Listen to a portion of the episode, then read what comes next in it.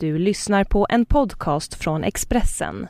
Fler poddar hittar du på expressen.se podcast och på iTunes. Det här är Expressen Dokument om upproret mot gräsrots-USA av Henrik Ek, som jag, Johan Bengtsson, läser upp.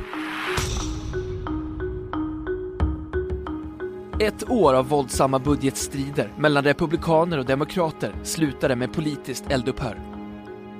Men medan ett helt land jublar åt den nyskrivna budgeten står två av USAs mäktigaste politiska spelare som förlorare. Organisationerna Heritage Action och Club for Growth har i flera år fått republikanska politiker att dansa efter deras pipa. Men nu vill republikanerna själva diktera och gör därför uppror mot gräsrotsmakten.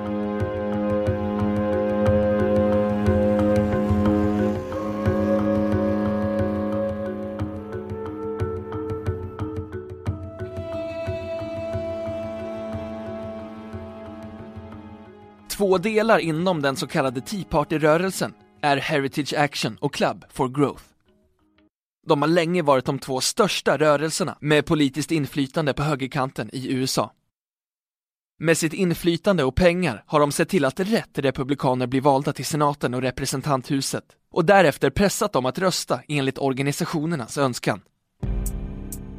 Ett inflytande som enligt många lamslagit den amerikanska staten. Till slut fick talmannen John Boehner nog. Under ett möte i mitten av december bakom stängda dörrar inför den slutliga budgetomröstningen i representanthuset förklarade han i raka ordalag att hans bägare runnit över. Han talade om att organisationerna hade satt sig emot det senaste budgetförslaget utan att ens veta vad det handlade om. Att de bara varit ute efter att samla in mer pengar och växa som organisationer och inte slåss för principer eller policyfrågor. Men ingen har kontroll över din röst förutom du, ska Boehner ha sagt till kongressmännen på mötet, rapporterar tidningen Slate. En uppmaning att stå emot åsiktskidnapparna, vilka han själv varit offer för. Vid de tidigare budgetförhandlingarna i höstas försvarade han nämligen Tea Party-röster inom partiet, vilket slutade med att delar av den amerikanska statsapparaten tvingades stänga ner i oktober. Något som kostade landet miljarder i dollar och hans parti miljoner i antal supportrar. Men den här gången gick han emot dem och fick som han ville. Budgeten röstades igenom. Boehner vann. Heritage Action och Club for Growth förlorade. Över 150 republikaner har precis röstat för att höja utgifterna i utbyte mot minimal bidragsreform, högg Barney Keller från Club for Growth, enligt The Economist. Att en överenskommelse kunde nås innan landet klev över ett nytt budgetstup tillskrivs ett fint samarbete mellan republikanen Paul Ryan i representanthuset och den demokratiske senatorn Patty Murray. Ryan, så sent som 2012, vicepresidentkandidat bakom Mitt Romney och en Tea Party-medlem i allra högsta grad. Att han stod där med budgeten i handen och bedyrade dess framgång var lika chockerande för hans allierade som det var en lättnad för många av hans fiender. Politiskt kan det komma att visa sig vara en bomb.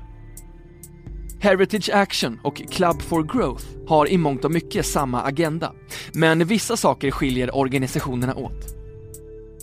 Club for Growth bildades 1999 och hade tidigt som syfte att vara landets rättesnöre när det kom till skatter, eller saknaden av dem i mesta möjliga mån. Vi vill se som skattesänkningarnas genomdrivare i partiet, sa grundaren Stephen Moore då. Men det är först på senare tid som organisationen fått riktig makt i USA. För två år sedan spenderades totalt 143 miljoner kronor på republikanska kandidaters kampanjer, enligt organisationen Center for Responsive Politics. Ett sätt att arbeta på som gjort dem inflytelserika i val av kongressmedlemmar, i synnerhet på lokal nivå. Club for Growth riktar nämligen in sig på att byta ut redan sittande republikanska senatorer och representanter, som är vad de kallar för Republican in the name only. Ett öknamn på politiker som inte är tillräckligt konservativa. Just nu, till exempel, driver de en kampanj på sin hemsida där man kan, citat, klicka för att besegra Mike Simpson. Simpson är en republikan som är allierad med John Boehner, men som kan förlora sin stol snart. I distrikten är valdeltagandet i premiärval inte alltid högt. Därför kan en sån kampanj för Club for Growth göra att en republikansk kandidat förlorar mot en som de ser som mer passande. De har till och med utvecklat en egen granskningsprocess där de intervjuar och tar fram bakgrundsinformation på sina kandidater för att se om de uppfyller kraven. Deras största stora genombrott kom 2003 i och med George Bushs skattesänkningar som de gjorde allt för att lyfta fram. Republikaner som var tveksamma möttes av tv-kampanjer sponsrade av rörelsen. Till skillnad från Club for Growth lägger sig inte Heritage Action i valprocesser direkt men beskrivs ändå som en maktfaktor i den nya generationens konservativa grupper av Huffington Post och som citat kanske den mest inflytelserika lobbygruppen bland kongressrepublikaner av New York Times. Deras syfte är, enligt egen utsago, att sätta press på kongressledamöter i syfte att följa deras egen policy. De drev sin första stora kampanj mot Barack Obamas sjukvårdsreform, känd som Obamacare de gick vidare med att motsätta sig avtalet mellan USA och Ryssland som reducerade kärnvapenarsenalen. Deras största bedrift hittills är dock det inflytande de hade i höstens nedstängning av den amerikanska statsapparaten. De använder bland annat sitt eget poängsystem med vilket de varje år sätter ihop en tabell av hur konservativt politiker i senaten och representanthuset röstat för att trycka på och förklara att inga röster borde läggas så länge inte finanserna för Obamacare drogs in. De som övervägde att ge vika i budgetförhandlingarna fick personliga varningar skickade till sig, så kallade keyvote-varningar.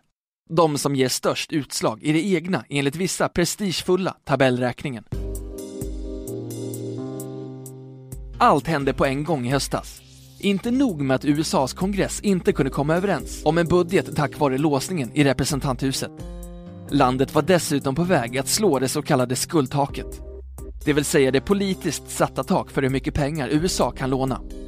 Utan att höja skuldtaket skulle USA inte kunna betala sina räntor, vilket skulle sätta igång en ond cirkel med en ny recession som potentiell utgång. Men taket höjdes i sista stund, fram till februari i år. I och med den nyskrivna budgeten, ett steg i rätt riktning, hade många hoppats att även nästa bråk, skuldtaket 2, eller 3 eller 4 egentligen, skulle kunna avvärjas ganska enkelt. Men republikanen och fredsförhandlaren E-Paul Ryan hann inte mycket mer än att hylla sin nya budget förrän han flaggade för att den inte var klar med Demokraterna ännu. Vi som republikaner, tillsammans med våra motparter i senaten, ska mötas och diskutera vad vi önskar att få ut av skuldtaket. Vi vill inte gå utan någonting. Vi ska besluta oss om vad vi kan vinna på ett skuldtaksbråk, sa Ryan i tv-programmen Fox News Sunday. Det är den 7 februari det händer, även om det liksom senast går att justera tiden lite med hjälp av det amerikanska finansdepartementets pappershantering. De flesta är ense om att ett läge där USA inte längre kan betala sina räkningar är en betydligt allvarligare situation för världsekonomin än att statsapparaten stänger tillfälligt. Heritage Action och Club for Growth är inte av samma uppfattning. Om du ska höja skuldtaket så måste du ha någon form av policy som ser till att ändra hur vi spenderar pengar i det här landet, säger Dan Holler från Heritage Action enligt Time Magazine. Inte alla tror dock på Paul Ryans hot. Vissa hävdar att det var något som han var tvungen att säga för att lugna de Tea Party-allierade som rasade över hans svek i budgetförhandlingarna. Han är inte heller ensam om att ha en åsikt i frågan. För även om han är Republikanernas budgetman och har varit så länge, så är han inte den som skuldtaksfrågan vilar på. Det är och har i första hand varit John Boehner. Samma John Boehner som har fått nog av Tea Party-dumheter och som vill se en förändring inom partiet. President Barack Obama sa precis innan han gick på julledighet att skuldtaket inte var en förhandlingsfråga. Skuldtaket höjs för att kunna betala sånt som vi redan godkänt. Det är inte ett verktyg för att förhandla. Det är kongressens ansvar. Det är deras jobb och jag förväntar mig att de ska sköta det, sa presidenten. I grund och botten landar frågan om vad som händer härnäst lite i den rapport som Republican National Committee släppte redan efter katastrofvalet 2012. I raka ordalag konstaterade de att det republikanska partiet måste sluta prata med sig själva. Vi har blivit experter på att komma med ideologiskt stöd till likasinnade. Men beklämmande nog har vi förlorat förmågan att vara övertygande mot eller välkomnande för de som inte håller med oss i varje fråga.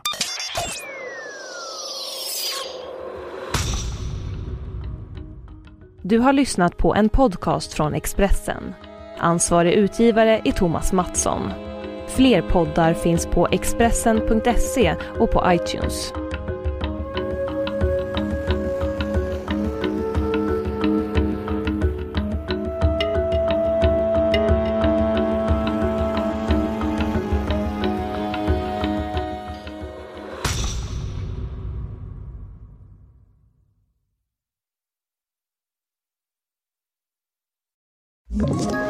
Ett poddtips från Podplay. I fallen jag aldrig glömmer djupdyker Hasse Aro i arbetet bakom några av Sveriges mest uppseendeväckande brottsutredningar. Går vi in med hemlig telefonavlyssning och, och då upplever vi att vi får en total förändring av hans beteende. Vad är det som händer nu? Vem är det som läcker? Och så säger han att jag är kriminell, jag har varit kriminell i hela mitt liv men att mörda ett barn, där går min gräns. Nya säsongen av Fallen jag aldrig glömmer på Podplay.